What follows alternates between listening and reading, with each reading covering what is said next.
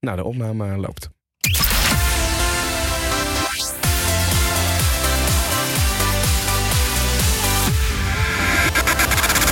Dummies Podcast. Terug van weg geweest. Ja, maar echt eh, een tijdje geleden dat we dit gedaan hebben. Ja, dat heeft echt nou, een paar weken moeten duren. Maar goed, we zijn er weer. Dummies podcast. Nog heel even uitleggen. Wij zijn beide dummy leek in een bepaald onderwerp. Dat, eh, dat onderwerp dat snijden we aan in deze podcast. En daar nodigen we een expert voor uit. In de studio waar we gewoon een uur, anderhalf uur, desnoods twee uur mee gaan lullen. En hopelijk eh, meer te weten komen over die persoon. Maar ook over het onderwerp waar we het over hebben. En die eerste reeks aflevering die gaat over Formule 1. Ja, en wie is wij? In dit geval eh Jordi Warnes, die zit tegenover mij. Hi. Ja, dat Hi. klopt. Ja, en Ruben Corey die zit tegenover mij. We, doen beide wat in de radio. Dat, dat doet er verder niet toe. Dat, dat kun je in de eerste podcast ook nog horen wat dat dan precies is. Eh, die hebben we met Tom Coronel opgenomen. Dat was leuk en ook heel leerzaam vooral. Want dat is Ja. natuurlijk wel een beetje het idee eh, waar deze podcast om draait. Nou, eh, ik, ik ben inderdaad meer van Formule 1 te weten gekomen. En ik vond het ook wel leuk, want ik kreeg op een gegeven moment eh, mensen naar me toe. Die zeiden, ja, ik heb eigenlijk helemaal niks met Formule 1. Maar ik vond het wel interessant. En dat is wel een beetje wat we hopen te bereiken of zo. Ja, precies. Ik, ik, want wij zijn allebei gewoon heel enthousiast over. We zijn eigenlijk aangehaakt toen Max Verstappen ineens meedeed. We zagen Nederlander. We dachten, hey, dit, dit vinden we leuk. Hier willen we bij horen. Ja. En ik, ja, ik pro- we proberen toch dat enthousiasme een beetje over te brengen. Ja, en ehm, we vinden het ook leuk bijvoorbeeld als je gewoon even een reactie achterlaat. Hè? Als recensie kan dat op iTunes. Ligt er even aan waar je luistert. Hè? Als je dat via iTunes doet, dan, eh, dan kun je heel makkelijk een recensie achterlaten. Comment. Doe je het op Soundcloud, dan eh, kun je dat, dat eigenlijk op dezelfde manier doen. Ja. Twitter zijn we te bereiken. Ruben Koren. Ja, met dubbel O. Even niet vergeten, Koren is met dubbel O, anders dan vind je het. En ja, met Ed Jordi Warners. Ja. En ik ben er ook wel achter gekomen dat eh, het Formule 1 wereld... Het is best moeilijk, heb ik gemerkt, om eh, gasten te krijgen. Ja, maar dat is ook de reden dat we nu even, ja, dat, dat deze tweede podcast even op zich heeft laten wachten. Ehm, ja, de, de mensen die er kennis over hebben, die zijn hartstikke druk. Die zijn altijd in het buitenland. En Olaf Mol bijvoorbeeld zouden we heel graag willen spreken. Maar ja, die man zit natuurlijk altijd in het buitenland. Ja, en eh, nou moet ik ook zeggen dat we de eerste podcast tijdens de vakantieperiode zijn gestart. Waardoor we zelf ook nog op vakantie. Dus ik weet niet of het de beste timing was. Maar goed, hey, we zijn er weer en dat is het belangrijkste, denk ik. En eh, we gaan vandaag praten met een, eh, een le- leuke gast, Jan Lammers. Ja, te gek. Nou zijn er drie eh, bekende mensen die Jan Lammers heten in deze wereld. Dus ik hoop dat we de goede uitgenodigd hebben. Ik hoop het ook. Ja, het, het, het grappige is ook, ze zijn alle drie, dus in Nederland, of nou, tenminste, misschien zijn er nog wel meer Jan Lammersen in Nederland. Maar als je op Wikipedia zoekt naar Jan Lammers, dan krijg je dus drie resultaten. En dat zijn ook drie sportmensen. Ja, dat is wel bijzonder. En eh, dat is één, geloof ik, voetballer. En... Ja, één voetballer. Dat is een centrale verdediger bij de Graafschap sinds 2014. Is nog een jonge gast. Volgens mij komt hij uit eh, 1995. Dus die zal zo begin 20 zijn. En dan eh, nog een andere, Jan Lammers. Die eh, had een heel succesvol sportcarrière. Eh, dat was een atleet en die heeft zelfs nog aan de Olympische Spelen meegedaan. Ergens eh, net na de Tweede Wereldoorlog. Nou, of eh, Jan Lammers, de coureur, die we zo meteen gaan spreken, net zo lenig is, dat, eh, dat horen we dan zo meteen wel. Ehm, zullen we ook even een inhoudsopgavetje doen? Ja, Om even, even goed om door te nemen waar we het eh, een beetje over gaan hebben. Dan, eh, dan weet je wat je kunt verwachten in deze podcast. Nou, sowieso natuurlijk Jan Lammers. We gaan hem eh, introduceren en we gaan het hebben over zijn carrière. Want hij heeft toch echt best wel een glansrijke carrière achter de rug als het gaat om de autosport. Nou, dit, sowieso een van de weinige Nederlanders die in Formule 1 ook echt succesvol is geweest. Ja, dus wat dat betreft een, een goede gast lijkt me. We gaan het hebben over een, de teams, zeg maar, Formule 1 teams. Kijk, Max Verstappen of een Lewis Hamilton, dat zijn de gasten die zitten in die auto. Maar daar zit zoveel omheen en dit, dit is ook ja, mega fascinerend. Ja, eh, long runs en weet ik veel wat. Ehm, en het, kijk, ja, ik, eh, het is dat ik weet dat ik het hier kan zeggen. Omdat het, het, het hele idee van deze podcast is dat je dummy bent en leek bent. Dat vind ik zo lekker. Ik kijk, denk ik nu. ja, ik, ik kijk nu twee jaar kijk ik Formule 1. Eh, sinds Max Verstappen, inderdaad. En ik heb geen idee hoe die kwalificatie in elkaar zit. Dat- Nee? nee, echt niet. Maar Nee. dat is dan een dingetje, dat begin ik wel een beetje te snappen. Nou ja, want kijk, je hebt natuurlijk de race op zondag. Hè, en, en daar zijn alle ogen op gericht. En eh, dan tuned heel Nederland ook ineens in. Maar er gebeurt natuurlijk op vrijdag en zaterdag gebeurt er veel meer. Dan zijn die kwalificaties. Je hebt een Ja, eerste race of zo, eerste ronde. Of... als, we, als, als we dit hardop zeggen, dan krijgen we denk ik echt ruzie met de diehard fans. Want die zeggen natuurlijk, ja hallo, eh, die, die, die zitten zelfs s'nachts tijdens die, eh, weet ik veel, wedstrijden in Amerika en zo. Dan zijn de kwalificaties s'nachts, die zitten daar gewoon op vrijdagnacht al klaar voor. Jij en ik haken op zondagmiddag aan. Hè? Dan kunnen we er een biertje bij opentrekken en dan vinden we het leuk. Al moet ik zeggen, ik zit ook wel steeds meer in die kwalificatie. Dus ik kan je, ik, als, soort van eh, leek, kan het je wel een beetje uitleggen. Nou, maar, maar kijk, ehm, want eh, wat ik, het gedeelte wat ik snap aan de kwali- kwalificatie, kijk, er wordt een race gereden. ehm, eh, nou ja, dat is trouwens ook niet zo. Er wordt niet een race gereden. Men gaat de baan op. En dan, dan lees ik altijd later Max Verstappen, kwalificatie P2. Nou, top, weet ik. In Klasse. de race start hij op plek 2, weet je wel. Klasse, doet hij goed. Maar meer, of het een race is, of hoe zit dat? Nou, in een paar zinnen. Je hebt, eh, eh, de kwalificatie bestaat uit drie onderdelen. Gaan we trouwens, trouwens straks, het lijkt me leuk om even met Jan, ja, te over ja, hebben. Want maar even ko- kort. Vroeger, zo vroeger was dat heel anders namelijk. Maar tegenwoordig is het, je hebt Q1, Q2, Q3. Die duren allemaal 15 minuten. Eh, Q1 starten alle coureurs. Tegelijk op de baan? Eh, nou goed, die komen op zijn beurt de pit uit. Maar ze moeten binnen die 15 minuten de, de, de, de pitten die uit en een rondje rijden. Dan vallen de laatste vijf vallen af. Bij Q2 is dat hetzelfde geval. En dan heb je Q1. Dus dan zijn er, nog, dan zijn er al 10 eh, coureurs afgevallen. En daar gaat het dan over de, de, de plek 1 tot en met eh 10, geloof ik. Ik heb nog geen, steeds geen idee. nee, maar we- laten we het zo meteen beter met, met Jan gaan, gaan bespreken. Die, ik, eh, ja, nee, dat komt goed. Dus daar gaan we het ook nog over hebben. Die kwalificatie. eh Ja, dus het, even, eh, eh, eh, nou ja, F1-teams, en daar komt het dan wel bij kijken. Eh, lijkt me sowieso goed om even te hebben over het afgelopen weekend. Want op het moment dit opnemen was het, eh, is de, de race in Mexico net geweest. Eh, die heeft Max Verstappen natuurlijk Ja. gewonnen. Lewis Hamilton is wereldkampioen. Ook genoeg te bespreken. Ehm, ook vind ik leuk om even met Jan te over hebben. eh, ehm, de Formule 1 in Nederland. Want hij heeft er volgens mij een heel sterke mening over. En eh, dan nog even vooruitkijken naar eh, de laatste twee races van dit jaar. En ook het seizoen 2018. in de studio. Te gast. Jan Lammers. Jan, welkom. Ja, dankjewel. Leuk. Ja. Ben je ooit eerder te gast geweest in een podcast? Is altijd toch de, de vraag of weten volgens over. mij niet. Ik, ik, je denkt dat je het allemaal zo'n beetje meegemaakt hebt, maar dit is weer een nieuwe, geloof ik. Ja. Ja. Ehm, eh, eh, Jan, eh, zullen wij om te beginnen even luisteren naar een fragment? En dan ben ik heel erg benieuwd of jij dit nog herinnert. Ik ook. Alhoewel hij nog als baanspuiter voor je 200 gulden in de maand op de loonlijst staat bij Rob Slotermakers slipschool, is Johannes Antonius Lammers toch al de snelste teenager van Europa. In zijn Simca Rally 2 raast hij als een kleine duivel over het circuit van Zandvoort. In het begin keek ik dus altijd eh, onder het stuur door, dus door die ring heen. En eh, ik heb ook een tijd gehad dat ik er precies tegenaan keek. Dat was wel een probleem. En eh, nu kijk ik er dus net overheen. Hoe lang ben je nu? 1 meter 61 precies te zijn. Maar eh, het moet voor mooi nog iets langer worden, of niet? Nou, dat is niet nodig hoor. Nee? Voor een coureur is het dus eh, hoe lichter hoe beter. Hoe is het allemaal begonnen? Nou, ik was 9 jaar en toen ben ik je dus gaan vragen of ik hier mocht helpen. Ja, je begint gelijk te lachen, Jan. Ja, natuurlijk, ja. Je, je weet het toch? Ja, nou, dit is dat, dat, eh, dat interviewtje op de slipschool, hè. Was ik 16, dat rode jasje in Ja. de duinen. En, eh, Mooi bos krullen. Tijd van opsloten, maar ja, en ik sprak zo Amsterdams als het maar kan. En Prachtig. ik had een vriendinnetje uit Amsterdam toen ook. Dat eh, zal waarschijnlijk ook een klein beetje het accent veranderd hebben. Ja, nee, maar leuk. Het was een heerlijke tijd natuurlijk. Hè. Ik moet zeggen, het is nog steeds een fantastische tijd. Hoor, want sinds, er is eh, wat dat betreft weinig veranderd sinds toen. Want eh, ja, ik doe nog steeds wat ik leuk vind. Maar je bent ooit begonnen eh, als hele kleine Jan bij de, de anti-slipschool van Rob Slotenmaker. Ja. Daar kwam jij in aanraking met auto's. Ja, dat is. Kijk, tegenwoordig hebben we natuurlijk een andere periode. Want de auto's worden steeds beter. En de rijders worden steeds slechter op de weg natuurlijk. Hè, want want voordat een rijder in kan grijpen, heeft de auto al ingegrepen. Alle hulpmiddelen, tractiecontrole, Ja. ABS en al die hulpmiddelen. Eh, maar eh, in die tijd eh, reden we nog op diagonaalbandjes. En dan hadden we af en toe van die gladde klinkerstenen wegen. Oh, wow. als het even regende en je moest snel naar de bak en dan stond je zomaar achter ze voren. Dus ja, een anti-slipschool, daar was zeker toen markt voor. En nu is, dat, is dat nog steeds leuk om te doen. Maar hè, toen was het ook extra noodzakelijk. En de- je, je komt uit een redelijk groot gezin ook, hè? Ja, heel goed. Ik had vijf broers, één zuster. Dus ik was de jongste. En eh, moet ik dat dan zien als een rijk gezin of qua geld? Nou, ik, het laatste had ik, eh, had ik eh, zo'n sportmonoloog. En toen noemde ik ons een heel rijk, rijk gezin zonder geld. Dus eh, Oh, mijn vader die ja. moest overal hard voor, gel- voor werken. En die kreeg wekelijks kreeg hij zijn geld. Dat was meestal op donderdag of op woensdag al op. Dus dan. dan ja, dus, dus we hadden eigenlijk geen geld. Maar ik heb dat nooit als vervelend ervaren. Dat, eh, ja, Maar dat vind ik dat bewonderingswaardig. Want als ik eh, de, de, de racerij zie, eh, dan, het, het, je hebt toch wel een bak geld nodig om er te komen. Hoe heb je dat dan gedaan?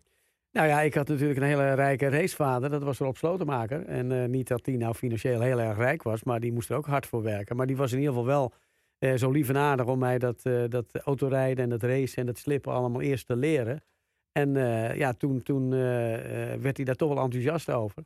En toen heeft hij mijn eerste raceauto gekocht. En ja, dus ik, ik was gewoon, toen ik helemaal, ik was op mijn veertiende al klaar met school.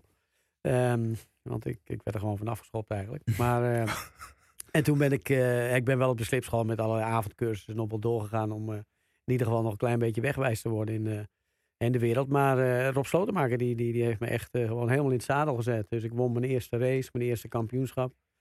Dus op mijn zestiende mijn eerste race, op mijn zeventiende mijn eerste kampioenschap. Hè, want in dat jaar werd ik 17. Ja. En toen op een gegeven moment, eh, een paar jaar later, eh, Europees kampioen eh, Formule 3. Eh, Ja. Nog steeds als enige Nederlander kwam ik tot de conclusie. Nou, la- Laten we het daar zo ook nog even over hebben. Waar, waar ik nu zo benieuwd naar ben. Je zegt net, Rob, Rob Slotenmaker heeft mijn, mijn eerste auto gekocht. Ehm, als ik nu dan aan die auto's denk, dan... Ik, ik weet, dat zullen we het ook nog eens over hebben. Ik weet niet, wat, wat kost een Formule 1 auto nu? weet je dat ongeveer? Ja, hoe lang is een stukje touw? Kijk, als je, als je gaat kijken, wat, eh, de, een heel jaar, dat, dat is al heel snel zo'n zo'n zo'n eh, 300 miljoen. Ja. En, en eh, ja, dan zou je moeten gaan zeggen, ze bouwen 10 auto's in zo'n jaar. Dan zou je zeggen, één, één Formule 1 auto kost 30 miljoen. Dus dat is eigenlijk niet te zeggen, omdat eh, er is een constant eh, eh, bewegend doelwit. Hè, om gewoon de beste te zijn, eh, zijn ze constant aan het doorontwikkelen. Dat als je, als je echt moet gaan kijken naar wat de productiekosten zijn van al die onderdelen bij elkaar. Nou, wellicht kom je dan eh, in de regio van, van eh, nou, wat zal het zijn, 20, 30 miljoen. Nou ja, weet je, maar dat is dan puur productie. En dan reken je niet mee wat het onderzoek en, Nee. eh, en noem maar op allemaal kost. maar oké, 20, 30 miljoen. Wat, wat kostte de auto die Rob Slotenmaker voor jou kocht? Oh ja, dat was de eerste. Nou, dat, is, dat weet ik nog precies. Want ik reed in de klasse tot 8.500 eh, gulden. Dus dat eh, was omgerekend zo'n dikke 4000 euro. Ja. Ehm, dus dat was de...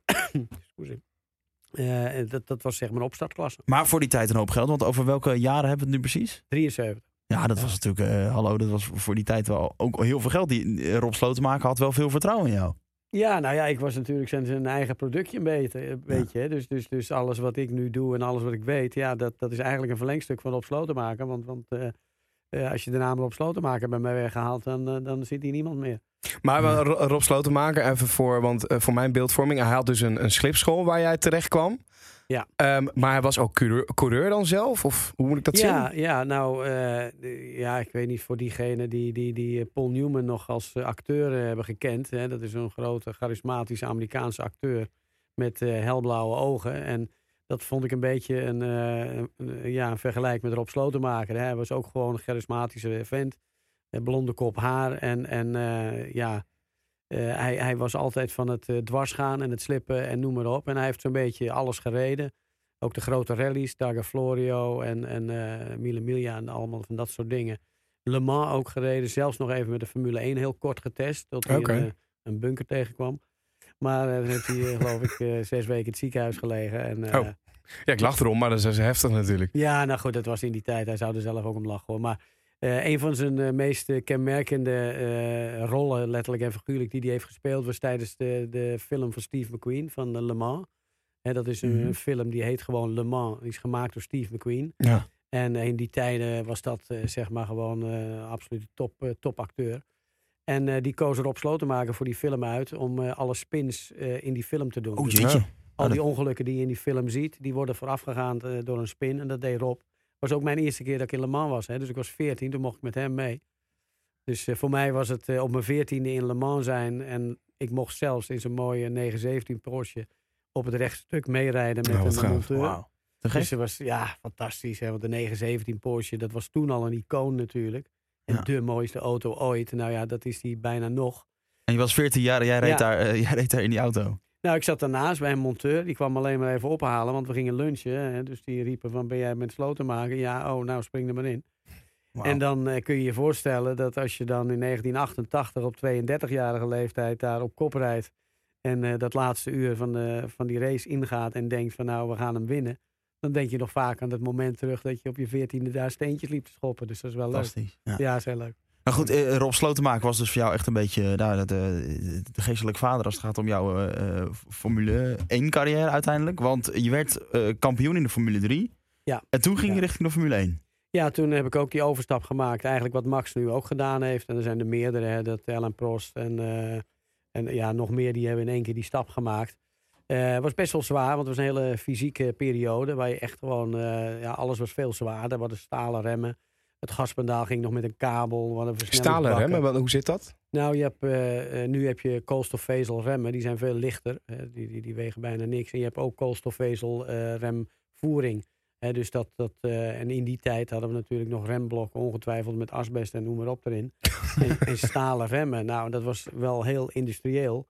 Dus, dus, dus ja, als je, als je zo Formule 1 tot stilstand moest brengen, dan, dan, eh, ja, dan voelde je net alsof je een olietanker eh, tot stilstand Ja, moest je had een rechterbeen waar je u tegen zegt, zeg maar. Of Ja, gaat dat niet met de voet ook? eh? nee, dat, dat, dat, eh, je, het- ieder andere gaspedaal trapte je helemaal krom als je uit de Formule 1 kwam. Want eh, Ja. ja. dat was hard trappen.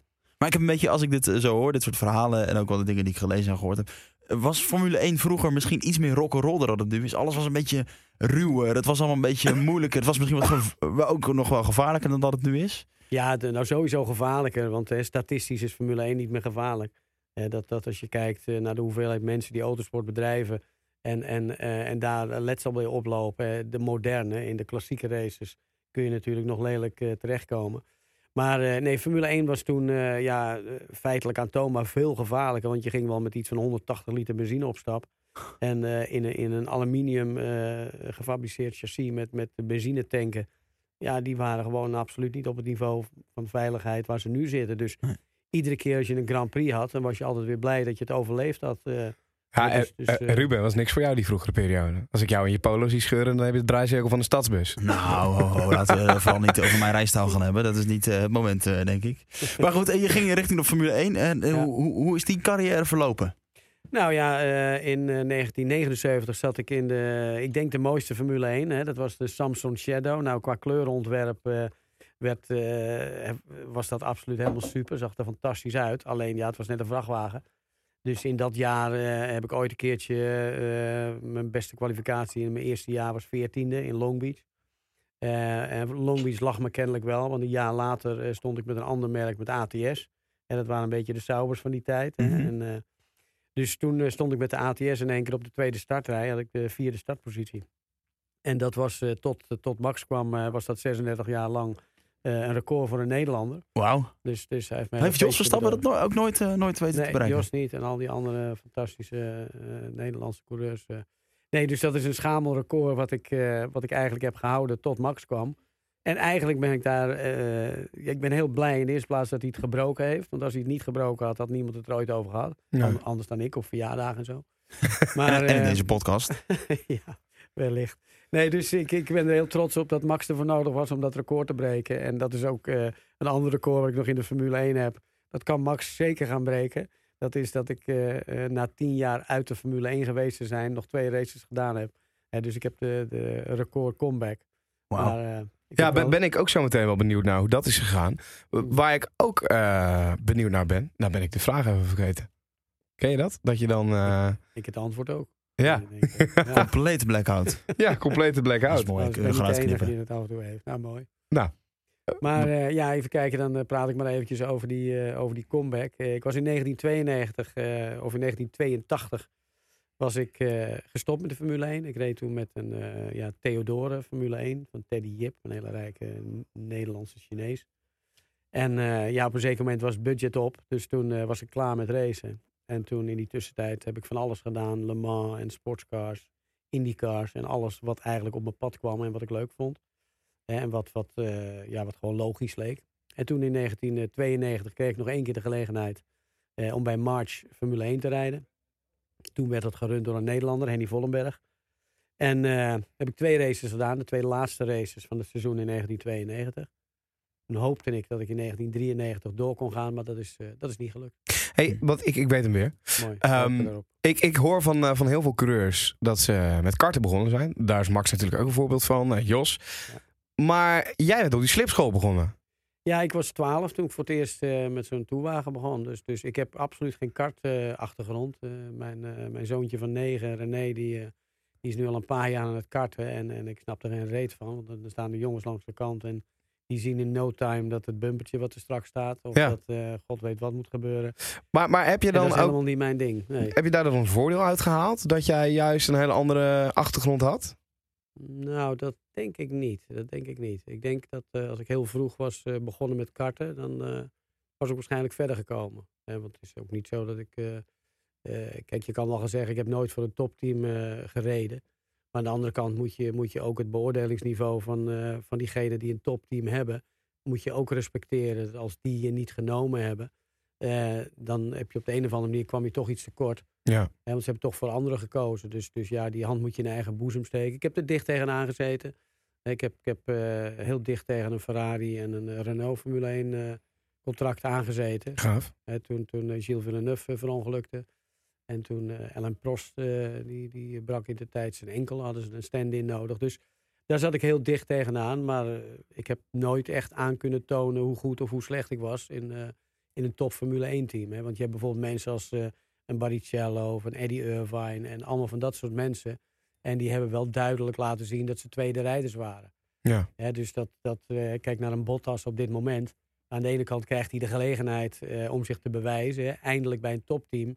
Op zich is dat eigenlijk helemaal nog niet zo eh, fijn. Want nu beoordeel je hem gewoon, geef je een eindoordeel van oké, is dus langzamer dan Hamilton. Ja. Dus, dus dan is zo'n jongen, die net, net als eh, zoveel andere voorbeelden, die blijft dan nog een paar jaar waarschijnlijk in deze rol doorrijden. Maar die zal, daar zullen ze nooit tegenaan kijken als een eerste rijder en een potentiële wereldkampioen. Je, hebt het, je noemt al even teams en dat, dat, dat is ook wel wat graag even met je over willen hebben.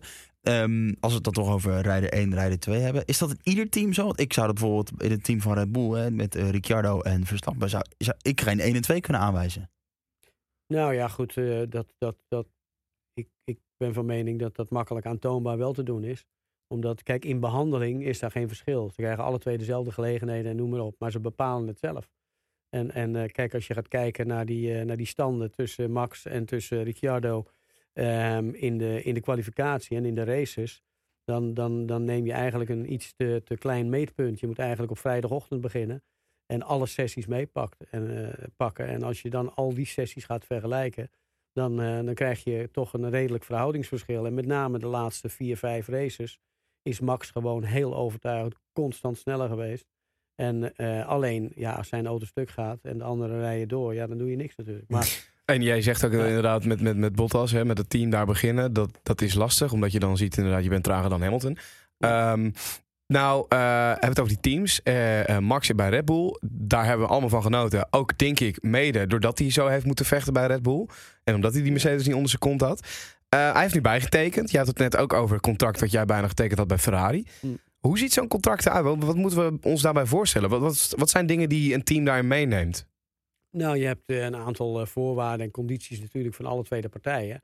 Eh, voorwaarden en condities van, van een rijder, die, die kunnen van allerlei, ja, die kunnen heel breed zijn. In de eerste plaats kunnen die bijvoorbeeld, ja, wat zal ik zeggen, afspraken maken over bijvoorbeeld nieuwe onderdelen. Hè. Stel je voor dat er is, ze hebben een, eh, een nieuwe onderbodem eh, van de auto, hè, nieuwe diffuser. eh, eh, hè, zeg maar zo'n de, de, de onderkant van de auto die ook een vleugelvorm heeft hè, voor de leken, als we het over dummies hebben. Ehm, eh, dan, dan, dan stel, daar hebben ze er maar één van eh, voor een raceweekend. Ja, hè, je kan dan bijvoorbeeld afdwingen van nou, hè, ik wil dat ik als eerste de gelegenheid krijg om alle nieuwste onderdelen uit te proberen. Ja. En, eh, want stel je voor dat, eh, dat Max helemaal happy is met zijn auto en denkt van nou, hij is helemaal perfect zo, ik wil er niets aan veranderen.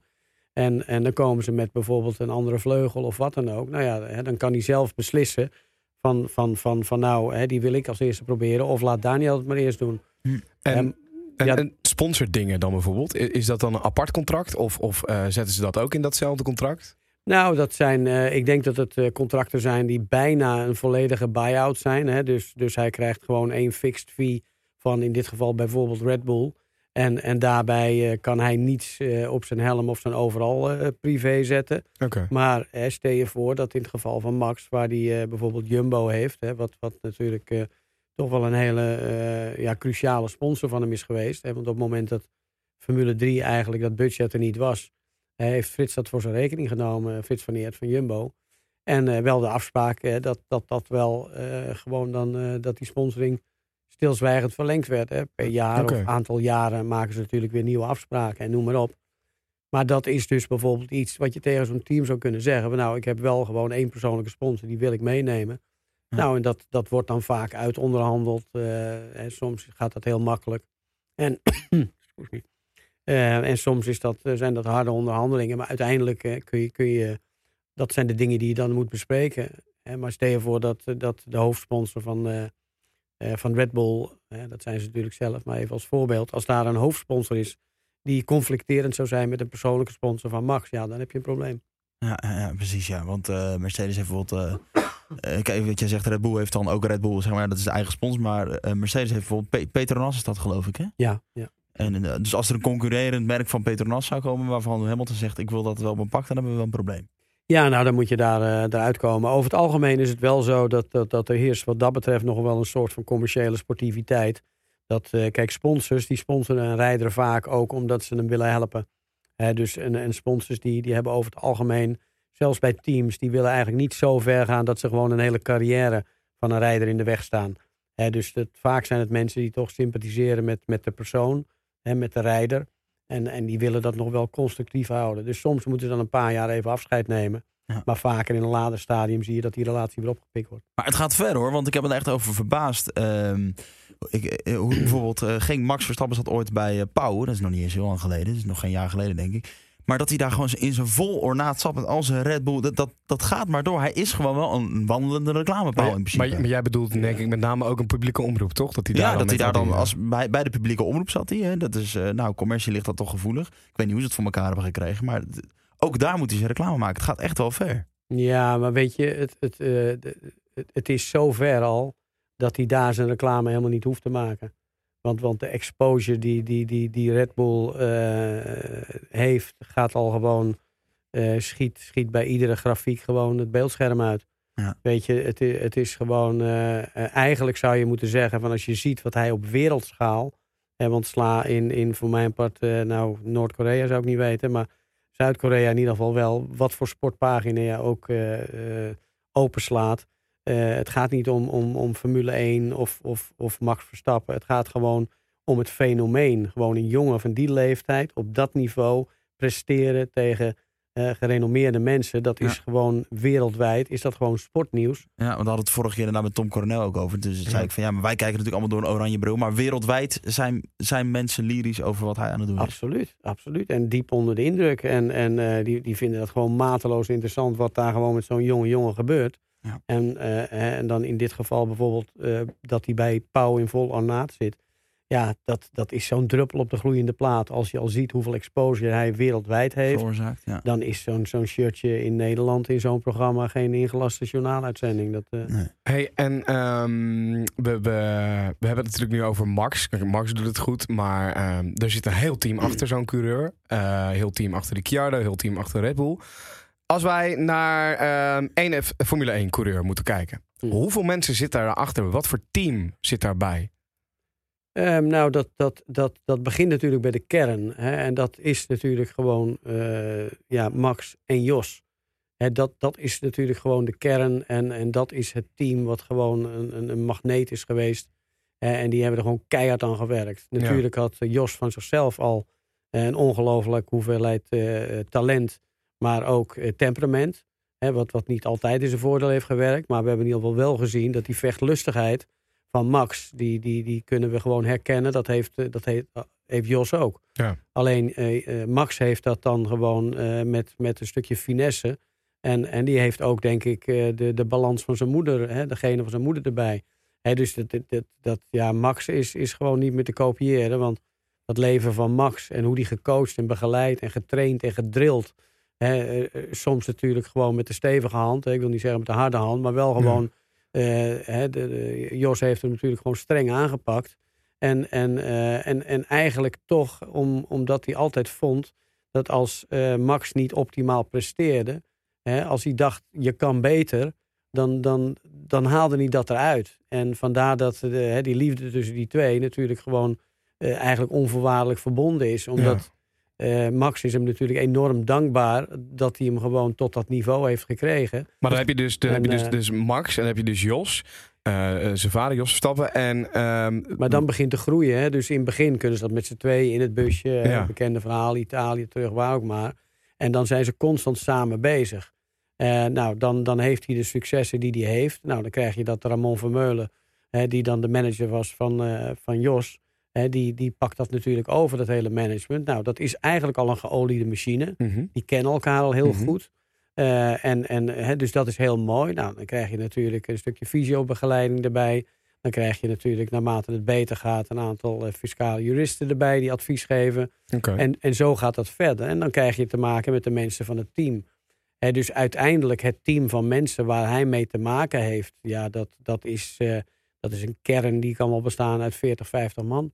Maar, maar is het dan zo, zeg maar, dat eh, je hebt dan eh, Max, Jos, de juristen die je noemt, de fysio eh, en Ramon die dan het management doen. Is dat dan Team Max, waar dan Team Red Bull bij komt? Of loopt dat wel door elkaar heen, zeg maar? Nou, je Hoe krijgt te dat- maken met een heleboel facetten. Je krijgt te maken natuurlijk, hè, naarmate dat. dat eh, ehm, kijk, je hebt succes. En eh, succes is, is, is maar een halve waarheid. Hè, want eh, een beetje een cliché, maar als je de top van de Mount Everest eh, bereikt hebt, dan eh, en je bent vergeten dat je nog terug naar beneden moet, dan heb je een heel probleem. Ja. Dus, dus, dus de top halen, hè, neem een voorbeeld als Mike Tyson, de bokser, die gewoon ook helemaal fantastisch de top haalt. Heel veel mensen denken van, van, van eh, ik noem maar wat, als Max straks eh, vier of vijf of zes keer wereldkampioen is geweest, dan zou die kunnen denken van nou, ik heb het gehaald. Ehm, maar dat is niet zo. Want eh, succes moet je managen, anders kan het even goed nog op verlies uitdraaien.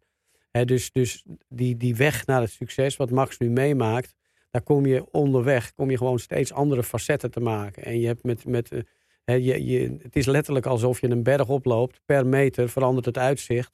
En daarmee ook de problematiek waar je mee te maken hebt. Ja. Dus, dus, dus, en je krijgt natuurlijk ook gewoon je normale leven gaat eh, ook door. Straks, straks heeft eh, Max een vaste vriendin, gaat hij trouwen, krijgt hij kinderen.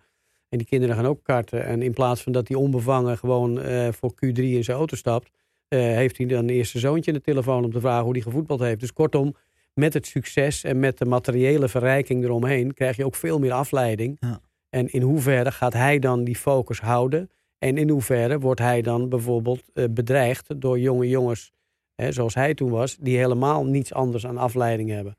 Dus ja, dat wordt interessant om te gaan zien voor de komende jaren. En, en eh, want ik, ik heb hier een fragmentje. Hè. Eh, Max die eh, tijdens de GP van de Verenigde Staten in de allerlaatste ronde nog een inhaalactie weet te maken waar je u tegen zegt. Op P3 komt. Vervolgens in de, ja, de wachtkamer. Ik weet niet hoe ze het officieel noemen. Maar de kamer terechtkomt met de andere coureurs. De, de wedstrijd napraat. En dan ineens merkt. Oh kut, ik moet dat podium af. Ja. Want ik krijg vijf stafseconden. En dan komt hij vervolgens bij de pers terecht. En dan zegt hij dit. Belachelijke beslissing.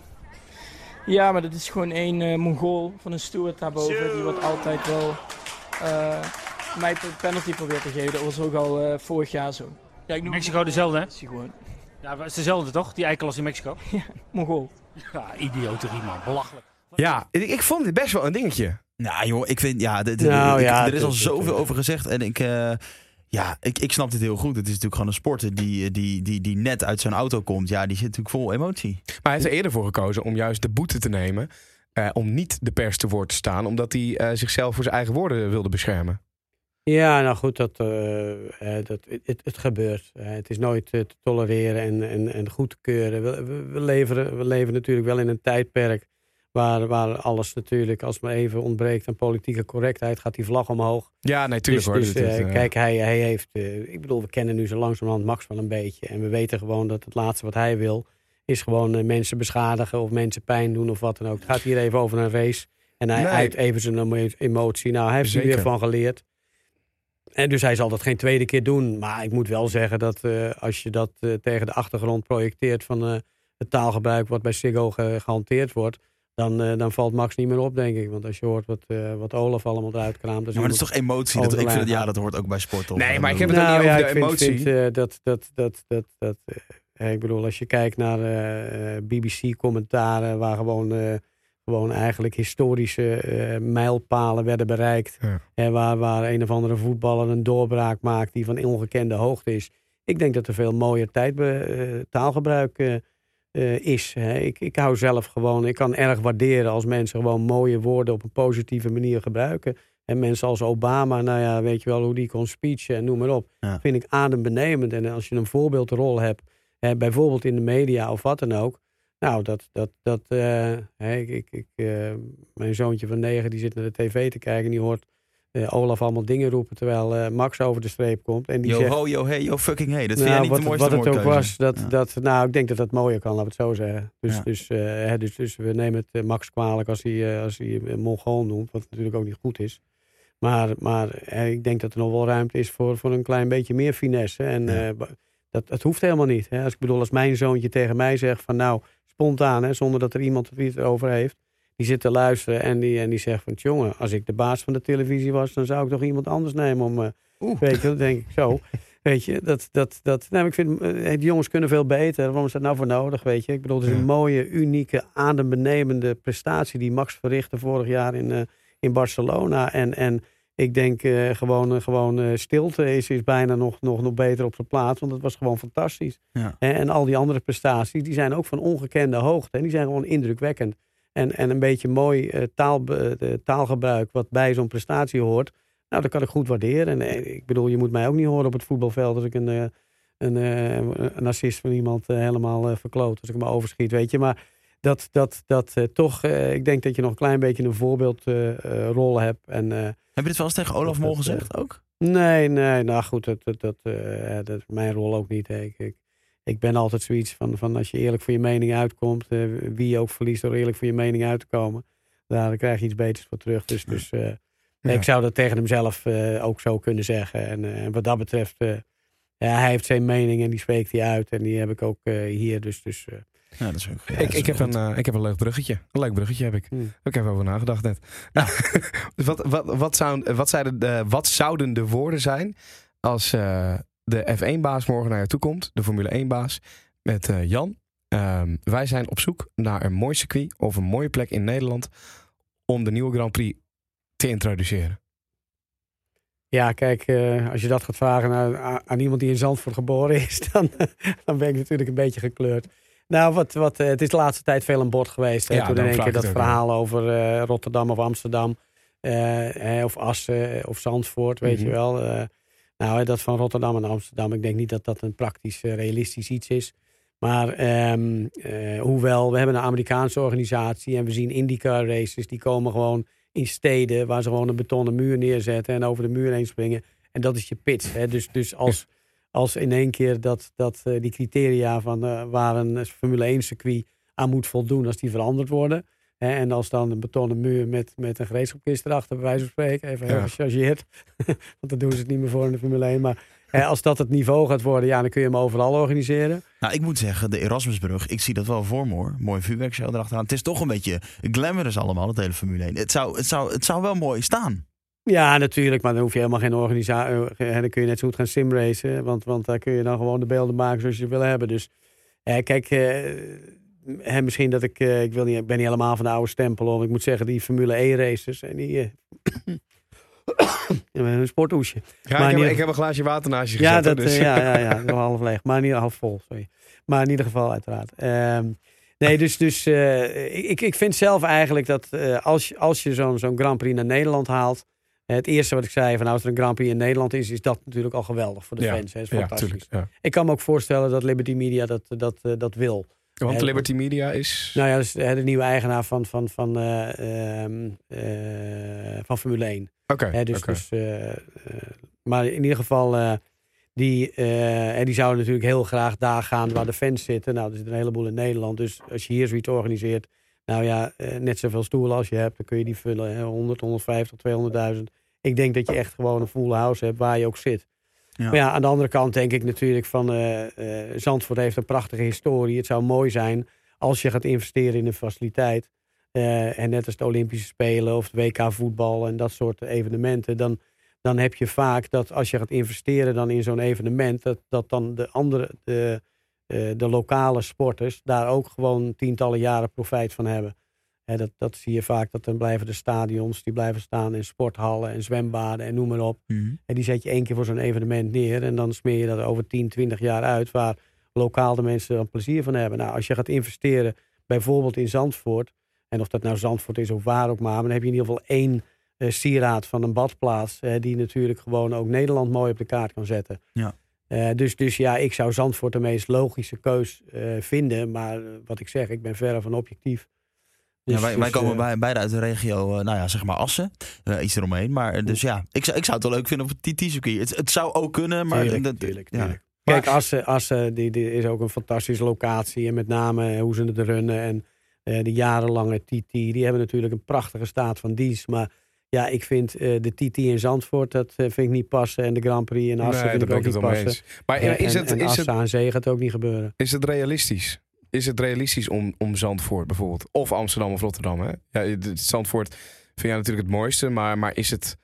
Nou, het is, het is eh, een jaar geleden is me die vraag ook eh, gesteld, of twee jaar geleden. En toen heb ik dingen geroepen als eh, hè, dat, dat de kans op een lichtflits binnen 10 seconden groter was. maar ik moet toch bekennen dat als je ziet hoe het gaat en, en wat voor olievlek aan enthousiasme zeg maar, in Nederland dat teweeg brengt, dan denk ik twee dingen. In de eerste plaats, ja, als een aantal eh, multinationals en, eh, en, eh, en de regering, hè, dus vanuit Den Haag, er gewoon ook nog wat, wat bijgestopt wordt, dan denk ik dat je in ieder geval die aanloopinvestering van, van, van de eerste paar jaar. Hè, want je moet in de eerste plaats natuurlijk de faciliteit aanpassen. Daar is geld voor nodig. En Ja. die investering moet je over meerdere jaren natuurlijk uitsmeren. En, en daarnaast heb je jaarlijks gewoon kosten nodig voor het organiseren van het evenement. Hè. Er zijn ook inkomsten. Maar het, het, het enige wat je zeker weet zijn de uitgaven. Dus daar moet je van uitgaan. Eh, en die inkomsten die moeten gewoon eigenlijk eh, afgedekt zijn. En die moeten niet van het publiek afhangen. Hè, want, want dan ben je heel kwetsbaar. Ja. Maar in ieder geval, eh, als, als, eh, ik denk dat, dat ik zie Nederland daarvoor aan. Als we in één keer zien dat Heineken gewoon vol instapt eh, met sponsoring. We zien een Randstad die daarbij betrokken is. En er zijn natuurlijk nog een aantal eh, sleeping giants eh, in, in, in Nederland. Die zomaar gewoon het budget zouden hebben om daar eh 40, 50 miljoen eh, per persoon of per partner in te stoppen. Nou, en dan heb je natuurlijk al heel snel een budget waarmee je gewoon een Grand Prix kan gaan organiseren. Ja. En eh, in Zandvoort hebben wij dan hè, Bernard eh, van Oranje, die inmiddels daar hè, de, De tent, eigenaar is de tent runt. Ja, Ja. Hè, samen met, met natuurlijk wat, wat partners. hè, die, die, hij doet dat vanuit een klein comité waar hij heel veel dingen mee samen doet. Maar goed, dat, dat is een fantastische club. En, en Bernard is absoluut gepassioneerde autosporter. Dus ik heb wel zoiets van, nou, als iemand het voor elkaar krijgt, is Bernard dat. Maar dan moet er wel eerst een, eh, een Grand Prix uit, toch? Het kan Eh, niet zijn of dat er zeg nog je heel goed, ja, ja want, want eh, we zitten wel een beetje aan de tax. En als er dan, eh, hè, soms zijn er gewoon van die oliestaten of wat dan ook, die eigenlijk onbeperkt budget hebben. Mhm. En die proberen gewoon eh, met geld natuurlijk gewoon zo'n Grand Prix af te dwingen. Maar ik heb wel het idee dat, eh, hè, dat de nieuwe eigenaar van, van, eh, van Formule 1 niet meer alleen eh, op het hier en nu geld gefocust is. Maar die, die wil ook de sport heel breed weer op de kaart zetten wereldwijd. En welke zou er dan uitgaan? Ehm, ik zou het niet weten. Ik zou het niet Nee. weten. Er zijn er een aantal natuurlijk, eh, die hebben het gewoon eh, moeilijk. We hebben zien dat Maleisië in één keer uitstapt. Die hebben de keuze de, gewoon gemaakt om uit te stappen. Ze konden doorgaan. Dus dus eh, je moet niet vergeten dat voor de, voor de organisatoren wereldwijd, het overkoepelende Formule 1-organisaties, zijn Ja. die races allemaal lucratief. Hè, vanwege alle rechten die zij hebben. Hè, ze hebben, ze hebben zeg maar eh, het hele circuit, daar kunnen ze gewoon de boarding langs de baan en alles is allemaal van hun. Hè. Ja. Dus als, als ze in, in Nederland een Grand Prix gaan organiseren, denk niet dat je een hoop terug kan verdienen met je reclamebordjes. Of eh, met de televisierecht. En Die zijn allemaal en al lang vergeven. Dat is Heineken dan, DHL zie je veel, Rolex. Precies, ja, maar die Dat praten zijn, dus eh, niet met een lokale organisatie. Die praten natuurlijk Met met de de, Formule 1 overkoepelende organisatie van Formule 1. Is het ja. een soort eh, FIFA eigenlijk? Ja, nou, die, die, die, eh, dat soort organisaties hebben natuurlijk wel, wel eh, raakvlakken en, en Ja. eh, vergelijkbare. Ik vind het zo bijzonder dat, ehm, dat al die merken daar. Ja, ik, ik, ik, snap. Kijk, ik ben ook gelukkig niet eh, de, de directeur van zo'n zo'n multinational. Maar, nog niet. Nog niet. maar nee, ja, goed, je moet ambities hebben, zo is het ook. Maar ik, bijvoorbeeld een Rolex, dan denk ik, waarom zouden ze honderden miljoenen euro steken? Want daar gaat het om, neem ik aan. in, in dit soort reclame, dit soort sponsoring. Want waar gaan ze dat op terugverdienen? Uh, kijk, als je, als je een advertentie op de achterpagina van de Telegraaf uh, uh, zet, dan, dan heb je een bepaald aantal mensen die je bereikt en daar staan kosten tegenover. En als je hier gaat kijken hoeveel mensen je bereikt en wat dat kost, dan zou het best wel eens kunnen dat Formule 1 goedkoper is dan, hè, of ik noem nou maar even een voorbeeld, maar het heeft natuurlijk heel erg te maken in de eerste plaats hoeveel mensen bereik je ermee en in de tweede plaats is het je doelgroep. Ja. En, en Formule 1 die, heeft, die zit natuurlijk heel hoog in de markt. Ja, dat is ook een bepaalde, bepaalde uh, imago luxe, gewoon, ja, een bepaald ja. imago Het natuurlijk. is gewoon het hoogste in de autosport hè, of, of het hoogste uh, op high-tech gebied Hè, je hebt ruimtevaart en, eh, en noem maar op natuurlijk. Maar, maar Formule 1 zit natuurlijk op zo'n hoog niveau qua high-tech. En eh, ja, eh, Daar Dat- willen die merken dat- gewoon mee geassocieerd worden. Dus- jij werkt bij de publieke omroep, Ruben. Dat, eh, dat is een hele andere wereld natuurlijk. Ja, dan, gaat- dan gaat het Ik niet als- over miljoenen. Als een commerciële hond eh, snap dat heel goed. eh.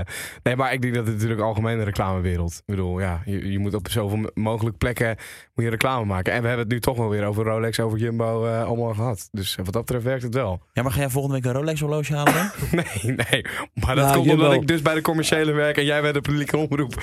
Goed. Ja, maar Jumbo eh, die, die staat natuurlijk gewoon met een klein labeltje op de helm van, van, van, eh, Ja. van Max. Ja, Hè, dus, dus dat is geen organisatie die er honderden of tientallen of wat voor miljoenen instopt. Nee, maar goed, aan de andere die kant, die vinden- hebben er ook niks aan dat iemand in Abu Dhabi ziet dat Max Verstappen Jumbo op zijn helm heeft staan. Want ja, Nee, maar dat is gewoon een stukje wederzijdse loyaliteit en eh, noem maar op. Hè. Dus dat, dat is eh, gewoon in eerste plaats eh, beheersbaar en overzichtelijk voor Jumbo.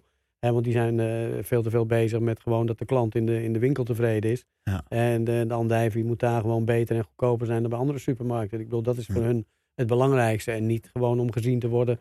En vandaar dat ze, ja, je zult ze ook niet groot op een Formule 1 auto eh, zien staan. Want dat, dat, dat eh, ja, is gewoon niet logisch. Nee. en, Ik- en oh, de, nee, ga je gang. Nee, ja, jij wilde hier nog iets over vragen. Ik, heb, ik, ik wilde een bruggetje slaan. Dat deed je net ook. En dat dacht ik, doe ik nu ook. Ja.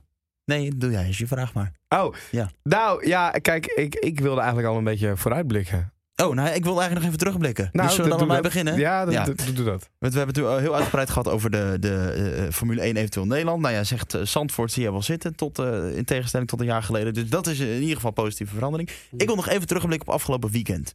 Ehm, Lewis Hamilton werd daar wereldkampioen. Terecht? Ehm, ja, ja, kijk, eh, het- eigenlijk is het altijd terecht. Hè, want, want je hebt natuurlijk altijd zo'n heel jaar en, en eh, totaalresultaat hè, van alle races. Ja, dat maakt je kampioen. Dus ik vind wel dat, dat, dat eh, ik vind iets meer Vettel die het verloren heeft dan Hamilton die het gewonnen heeft.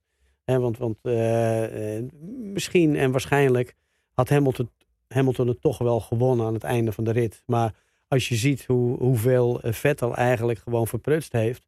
En gewoon door, door, door toch een stukje slordig rijden. Ja. Hè, gewoon net niet die finesse van, van hè, nu het afgelopen weekend ook weer. Ja, eh, hij rijdt net wel tegen Hamilton aan, weet je, in plaats van net niet. En hè, die start eh, natuurlijk in, eh, in Singapore was natuurlijk ook dramatisch natuurlijk voor. Max. Ja, en, en, maar hij is daar gewoon, hij heeft daar natuurlijk een hoop punten verkwist. En, en ja, op die manier, dat is niet het gedrag van een wereldkampioen. Nee. Eh, dus, dus wat dat betreft, eh, eh, ja, hij is geholpen. eh, Hamilton is geholpen door Vettel natuurlijk. Want ik denk dat Ferrari dit jaar echt wel een auto had gehad waar ze wereldkampioen mee hadden geworden. In de handen van, van, van Max waren ze dat wellicht geworden. Wauw. Dat Dat, zou wel worden. En, en jij zegt, nou ja, Ferrari had de auto in handen. Ehm, Max heeft afgelopen weekend gewonnen. Dat reed hij redelijk makkelijk uit. T- tenminste, in hoeverre kun je zoiets makkelijk noemen. Heeft Red Bull op dit moment de auto ook om op dit moment wereldkampioen te worden? Nou, ehm, dat, dat, dat is moeilijk te beoordelen. En waarom ik eh, dat moeilijk te beoordelen vind, is omdat je ziet een aantal dingen. Je ziet in de eerste plaats dat, dat eh, Renault natuurlijk het jaar moeilijk begon. Allemaal betrouwbaarheidsissues en ook gewoon eh, ja, problemen met, met gewoon het, het vermogen. Dat gewoon niet op het niveau was van de anderen. Ja, want voor onze leekluisteraar, de Renault is natuurlijk de motorbouwer. Ja, het is een Red Bull auto, dus maar er zit een ja. Renault motor in. Hè, dus, dus zij kwamen op de motor van Ferrari en Mercedes kwamen zij gewoon tekort. En, en eh, als ze dan in de buurt kwamen, dan ging die kapot. Hè, dat was gewoon eh, de eerste helft van het seizoen een beetje het verhaal. Ja. Als je dan ziet dat ze tijdens dat seizoen eh, gewoon progressie hebben gemaakt. En je ziet dat ze nu de afgelopen race gewoon domineerden. Eh, dan zou je bijna denken, nou het gat is gedicht. En, en je zou bijna denken, nou de volgende race en de race daarna kan hij ook winnen. En dat kan natuurlijk. Maar er zijn wel een paar dingen die je daarbij even in gedachten moet nemen. En dat is dat eh, Verstappen, CQ, Red Bull, oftewel iedereen met een Renault motor, had dit jaar niets meer te verliezen. Of belangrijker nog, niets meer te winnen. Hè, er was geen top 3 podium Nee. eh, in, in het WK nog mogelijk. Hè, dus dus dat, dat, ja, die waren eigenlijk al kansloos voor de rest van het jaar. Kortom, die waren in staat om al een klein beetje te gaan experimenteren met eh, bijvoorbeeld eh, onderdelen in de motor voor volgend jaar. Ehm, je, je bent daar natuurlijk wel eh, gelimiteerd in wat je kan doen. Maar binnen gewoon alle, alle reglementen kun je wellicht met materialen gaan experimenteren. Je kunt met Ja. afstellingen van je motor wat verder gaan. Want kijk, als je zo'n motor zo afstelt dat je meer vermogen produceert, dan word je ook kwetsbaar dat die kapot gaan gaan. Ja. Dus als je nu ziet dat Renault had daar niets meer te verliezen. Van de zes Renault motor aangedreven auto's zijn er maar twee gefinished. Dus vier gingen er kapot. Dat vertelt je misschien iets. In één wedstrijd. in één wedstrijd. Ja. En dat vertelt je misschien dat ze, dat ze allemaal toch een stukje risico genomen hebben. Eh, althans, dat zou het beeld kunnen zijn. Dan komt gelijk de vraag: eh, Ferrari en Mercedes zouden dat niet doen, want die hadden nog een wereldkampioenschap te winnen of te verliezen. Dus die zijn gewoon conservatief doorgegaan op de manier zoals ze bezig waren. En vandaar waarschijnlijk dat inlopen van Renault. Ja. Dan voor de komende races, het kampioenschap is al beslecht. Dus, dus daar kan nu zowel Ferrari als Mercedes, die kunnen ook dingen gaan Gaan proberen. uitproberen. Ja. Dus die kunnen een tandje erbij gaan zetten. Wellicht dat dan de betrouwbaarheid in het geding komt. Maar eh, denk vooral niet dat, dat Max die laatste twee races eh, met net zoveel gemak voorin gaat rijden. Want stel je voor dat hij in één keer weer moet vechten voor een derde of een vierde plaats. Dan zou ik het persoonlijk in ieder geval niet, niet vreemd vinden. Maar wordt het dan een cowboy race van Hamilton? Dat, het dat hij nu in één keer eh, hele rare dingen gaat doen op het circuit, omdat het Nee, er toch nee, allemaal niet meer uitmaakt? Of- Nee, dat zit niet in die man en dat doe je ook niet. hè. Je rijdt niet eh, bewust met een Formule 1 auto iemand van de baan. Omdat de kans dat je zelf schade hebt is net zo groot als, eh, als dat je iemand anders schade berokkent. Dus een, een Formule 1 auto, daar ga je gewoon zorgvuldig mee om. En, eh, en een Hamilton is, is niet iemand die, eh, die in één keer heel onverschillig gaat rijden. Alle rijders, of dat nou de, de- hè, inclusief de tweede rijders, die willen gewoon het seizoen nog even mooi afsluiten. Ja. Dus Hamilton, ondanks het feit dat hij nu kampioen is, zal hij meer onbevangen rijden. Dus stel je voor dat Hamilton nog twee races gaat domineren, zou het me totaal niet verbazen. Omdat hij nu helemaal bevrijd is en hij kan doen wat hij wil. Hij hoeft niets meer en hij kan alles. Ja. Is dat niet, eh, ja, goed, je, je ontkomt er natuurlijk niet aan. eh, Zo werkt het puntensysteem gewoon. Maar is het voor, voor, voor de spanning en voor, voor het verloop van de rest van het seizoen niet heel erg jammer dat er al een wereldkampioen is? Is er nog iets, ik, ik, ben even, ik weet de exacte puntentellingen en zo niet, maar is er nog iets te winnen zeg maar, voor iemand? Of is echt eigenlijk alles al besloten nu? Nou, ik denk dat die, eh, eh, de, de, de tweede plaats voor Bottas is, is eh, nou, iets meer dan theoretisch. De- maar de tweede plaats, eh, eh, Bottas zou Vettel nog voorbij kunnen gaan. We hebben een Mercedes 1-2. Eh, dus, dus het gevecht om die tweede en die derde plaats, dat, dat is nog wel spannend. Ja. Maar goed, voor zover mensen daar van, van de bank afspringen, denk ik ook niet. Dus nee, ik denk dat, dat het leuke van de laatste twee races moet en kan zijn dat het juist zo onbevangen is. Dat het gewoon een open strijd is en dat het gewoon puur voor die races gaat. En al die rijders willen maar één ding en dat is winnen. Ja. Dus, dus eh, je zou zelfs gewoon een beetje meer eh, vonken kunnen verwachten. Nou, er komen inderdaad twee races aan. Op 12 november in Brazilië en dan op 26 november in Abu Dhabi. En dan moeten we weer wachten tot aan, nou, ik denk april ergens, hè, volgend jaar. Eh, ik weet niet in mijn hoofd, maar eh, dat zal. eh, nou, ik denk maart. eh, zal zijn. Is dat dan al met de Halo ervoor? Ja, want dat is Eh, 2018, hè? Oh god, ja. Ehm Ja, de- bijna weer vergeten. Ja, nou, wat, dat, wat, wat gaat er veranderen volgend jaar? Ehm, nou, al die details, eh, dat, dat heb ik niet zo in mijn hoofd. Dus, dus eh, dat zou ik zelf ook weer even na moeten kijken. Want er zijn natuurlijk. eh Formule 1 is zoveel gecompliceerder geworden. Met, Ja, ik zoek met, het er even bij hoor. met, met natuurlijk. ehm, ja, als je, als je, we kennen allemaal natuurlijk wel het verschil in de banden. Hè, de ultrasoft, de supersoft, de soft, enzovoort, enzovoort, enzovoort. Hè, dus veel mensen die kennen dat wel. Vooral de insiders die dat volgen. is trouwens, trouwens wel opmerkelijk hoor. Want er zijn gewoon in Nederland die, die tien keer meer weten van de Formule 1 dan ik. Of, eh, of, of honderd keer mee, meer. Omdat dat de, er zijn mensen die volgen gewoon alles. Ja. Alles op internet, op het nieuws. Die kijken gewoon... en die hebben de tijd er ook voor. Eh, die kijken er gewoon de Grand Prix zo vaak als die uitgezonden wordt. Kijken ze hem weer na.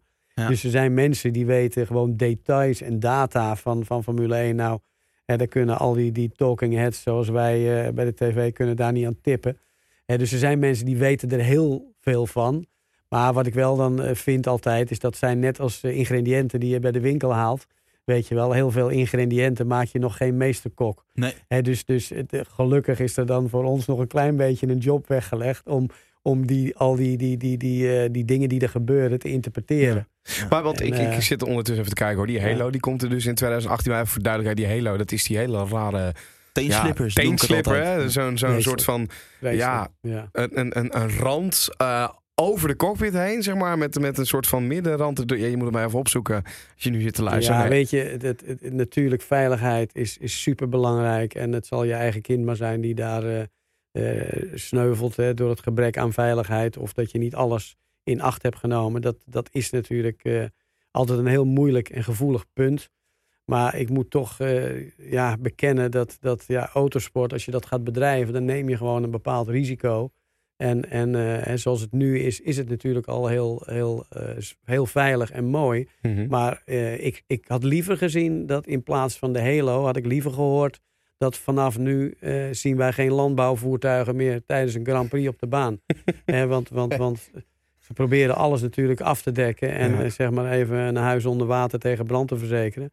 Ehm, en dus, dus ze willen alles gewoon heel, heel klinisch en goed geregeld hebben. Maar nog steeds, als er iets is gebeurd, komt er zo'n absurde landbouwtrekker gewoon de baan op. En dan denk ik, nou, hè, zet dan gewoon even een stuk of vijf hoogwerkers langs de baan die, eh, die die dingen op afstand kunnen wegtakelen. Ja. Maar dat soort, dat soort auto's mogen gewoon niet meer op de baan te zien zijn. Dat is Want veel gevaarlijker. als daar dan- iets mee fout gaat en je schiet daaronder, nou Halo of niet, maar dan, dan is het echt heel slecht met je. Maar, ehm, want eh, voor 2018, eh, er komen natuurlijk wat veranderingen aan. En nou heb ik ook gehoord dat ze bezig zijn met het geluid. En dat valt me dan wel weer op. Eh, ze zijn overal bezig met, met eh, toekomst, toekomst, toekomst, vernieuwing, vernieuwing, Ja. vernieuwing. En dan kijken ze toch weer terug naar het verleden als het om het geluid van de auto's gaat. Ja, en ik weet niet in hoeverre dat voor de, voor de jeugd eh, op dit moment zo belangrijk is. Want, want, want eh, die, die hebben die affiniteit met een verbrandingsmotor helemaal niet meer. Want even voor mijn goede orde, het idee is dat het weer eh, moet klinken zoals vroeger. Ja. Ja, ja alleen de, de hele beleving van die dingen eh, was vroeger anders. Hè, dat, dat, ik, ik ben al een oude zak natuurlijk. Maar En toen had je een stalen remzijde, dus eh, dan, dan Ja, ik de motor klonk ook even iets, iets grover of zo dan. Ja, nou kijk, dat, was een heel ander tijdperk. Want daar, daar had je dan, eh, hè, eerst had je je fiets en dan op een zeker moment, meestal voordat je 16 was, had je je brommertje. Hè, waar je dan stiekem mee door de straat reed of in de duinen of op het strand in mijn geval. En, en dan was dat gewoon een soort, eh, even heel gechargeerd. En, en, en ja, je had een soort van, van stevige fiets waar je die motor eronder zag hangen. En, en je zag alle mechaniek. Dus je had er ook affiniteit mee. En eh, als je dan even iets eraf haalde, had je de uitlaat eraf gehaald. En dan hoorde de hele buurt als je aan het rijden was. Weet je? Dus je had allemaal van die dingen, daar kon je een beetje mee klooien. En, en de jeugd had affiniteit met de mechaniek van een brommer. Ja. Dan, dan ging je naderhand, als je 18 werd, ging je naar een auto. En als je dan, eh, hè, dus de jeugd had, had een 18 mm of een 24 mm Delorto carburateur. Ik noem nou maar even wat. Hè. Dat, dat, eh, Nou, ik moet zeggen, ik bedoel, ik- je zegt nu heel erg vroeger, vroeger maar eh, ik, ik, ik kom ook eh, dus uit een boerendorp, heb ik lang gewoond. Ik had gewoon een Pugamaxi hoor. En ik ging ook, Ja, eh, dan maar- gingen we maar- opvoeren maar van jongens, 50 zal- naar 70 Nee, cc. maar dan, dan om dat even af te maken, dan, dan, dan, dan, dan, op een gegeven moment heb je snelgas en voetversnelling. En Prachtig. nou ja, kortom, dat zijn dingen, daar had je het over. En dat, dat deed het ook dan. Hè. Als je daar op Ja. schoolplein mee afkwam, aankwam en je had een, eh, een 24 mm carburateur, nou dan was je een hele bink. Maar kijk, tegenwoordig, als je met een scooter komt, nou je ziet die motor niet eens zitten. Nee. En als je al geluk hebt dat je een verbrandingsmotortje hebt. En, en, en als je een auto koopt en je doet de klep open, dan zie je ook geen twee dubbele Webers meer zitten met bovenliggende nokkas en allemaal van dat soort eh, zweeftermen. Maar, maar tegenwoordig doe je de klep open en dan zie je ook alleen maar plastic. Dus het is plastic, plastic, plastic. En die auto's worden stiller en, en, en eh, noem maar op. Dus, dus die affiniteit met die techniek, dat heeft gewoon... Hè, de, de, de, de, jongens en meisjes eh, in hun tienerjaren hebben dat helemaal niet meer. Zal ik even het geluid erbij pakken? Want eh, ik heb hier volgens mij een eh, Formule 1 wagens van voor 1971.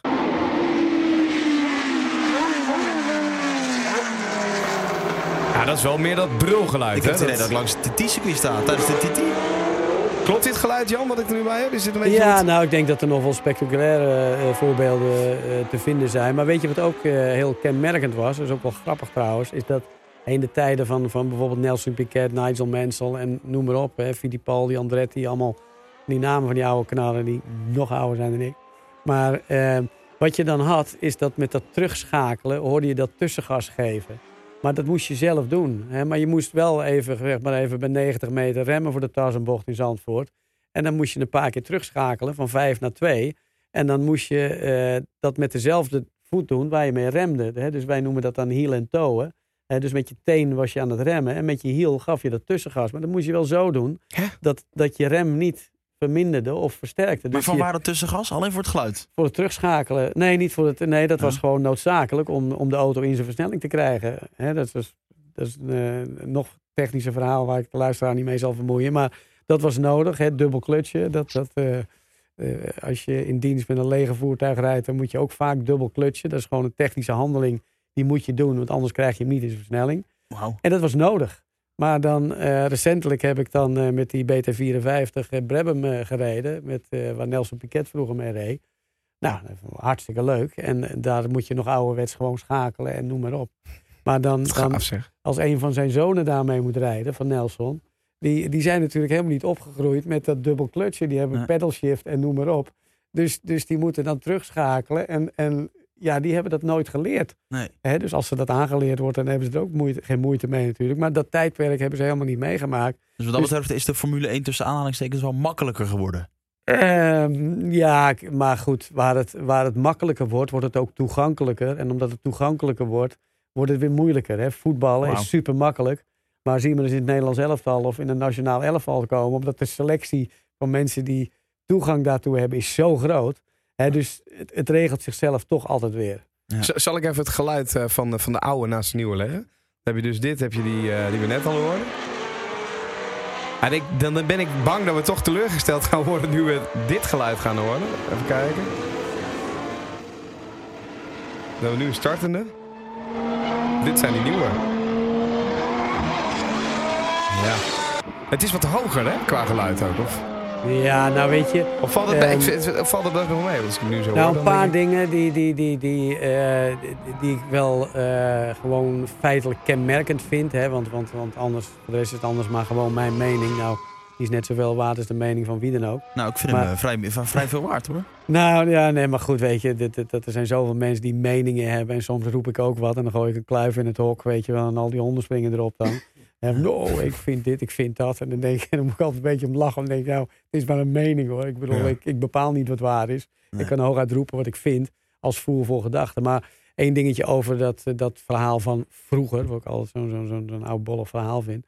Eh, maar wat, wat, wat wel eh, een feit was, dat als je bijvoorbeeld had, je had een Matra, je had een Honda, je had een Ford Cosworth, je had een BRM's en je had allemaal verschillende motoren. Nou, dat was gewoon een, een kenmerk van die auto. Dus je Mhm. hoorde, hè, de Ferrari natuurlijk.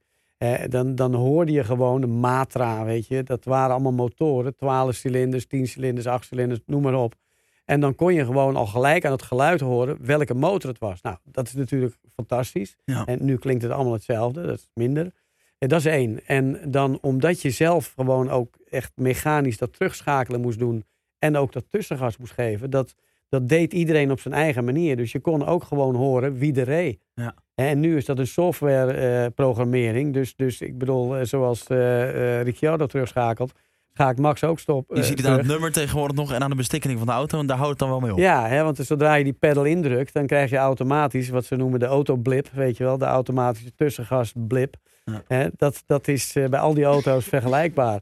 En dat was vroeger dus gewoon heel duidelijk, waar je een, eh, hè, je kon de motor eh, herkennen aan het geluid. En de manier van schakelen kon je horen wie er in die auto zat. Hè. Het verschil tussen Ronnie Patterson of Andretti of Fittipaldi of Lafitte, allemaal van dat soort Dat namen. hoorde je gewoon. Kon je gewoon horen. Ja. Maar, maar kijk, dit doe ik dus ook altijd als ik auto rijd, hè, Ruben. Jij noemt me altijd, hoe noem je hem altijd? Tienes? Tien tussengas. Ja. Jij noemt me altijd Ja, tienes maar dat tussen- komt, kijk, jij, je, je, probeert, je gaat dat nu proberen. Maar jij trapt de koppeling en het gaspedaal tegelijk in. Daar is, dat, zo, dat, dat is, Jan, dat, dat is niet Ja. de bedoeling, hè? Nee. even een kamer nemen of zo? Nee, ja, nee. Maar ik denk dit is het perfecte moment om even dat eh, neer te zetten. Ehm, ja, eh, eh, Jan, ehm, eh, Formule 1 is, is in opkomst eigenlijk. Ja. Ja. dat, dat is heel erg wat we merken. Het wordt steeds populairder en populair. En nou, nou weet ik niet of dat... Weet jij of dat ehm, alleen in Nederland het geval is nu? Of dat het ook eh, buiten Nederland gebeurt dat Formule 1 ook in andere landen steeds populairder wordt? Of is het misschien daar al heel populair? Ik weet het niet hoe dat zit. Nou, ik denk dat het eh, ehm, in Nederland hebben wij dat, dat Max en daardoor Formule 1 wordt steeds populairder.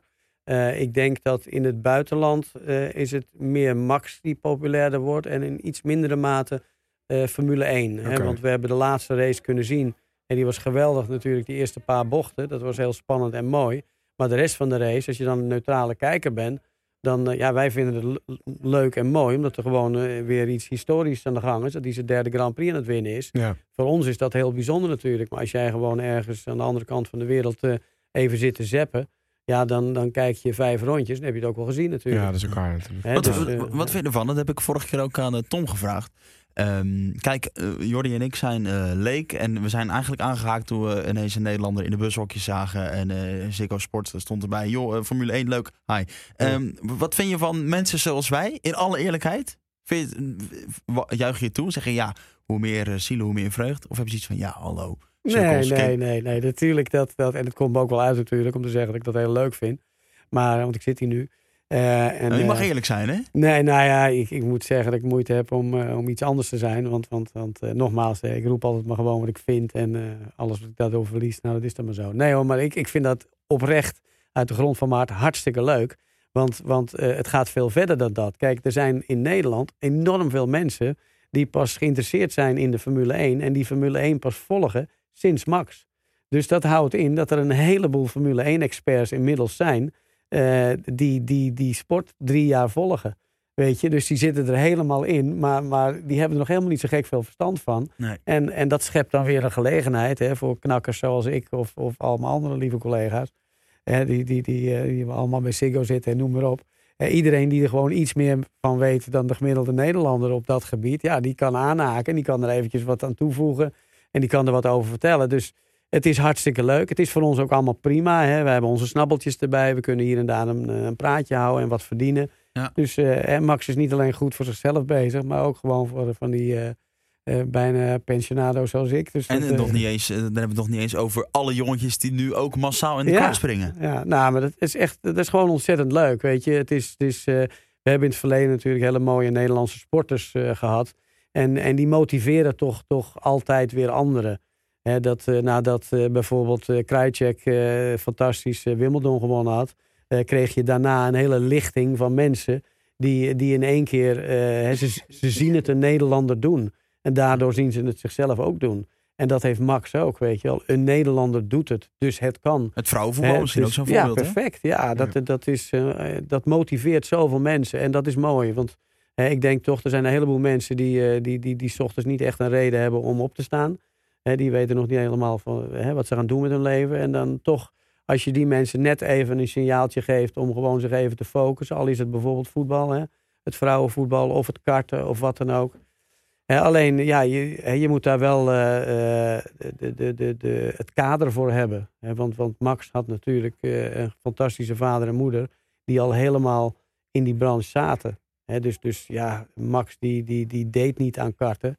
Eh, en die zat niet op karten. Nee, die was karten. Ja. Want overal om zijn heen is hij gewoon gemarineerd. eh, gewoon, eh, zijn DNA is gemarineerd met, met, met kartsport. En, en, hè, dus daardoor is hij zo ongelooflijk goed. Je zou bijna zeggen, dat heeft ook een aantal generaties nodig. Het is niet dat als ik later een zoontje krijg, die zet ik op zijn derde in een kart, dat het al een nieuwe Max Verstappen kan worden. Ja, het zou wel kunnen, nee, maar de kans is wel behoorlijk klein. Nee, wat, wat er met Max gebeurt en is gebeurd, is, is, is heel bijzonder.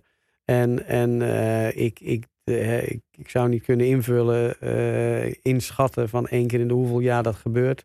Nee. Maar hè, mensen, mensen als, als, als Maradona of Messi of noem maar op, die komen ook niet... Hoort hij in dat rijtje? Zeg maar, als je het hebt om Oh, oh, maar- oh, legendarische Ja, dat roep ik al twee jaar. Dat Echt? ik, ik vind eh, Max absoluut de Messi van de autosport. Ja, oké, dat snap en, ik. maar- hè, want, want hij is gewoon van de absolute buitencategorie. En eh, mensen zeggen op dit moment van nou hij is vergelijkbaar met Senna.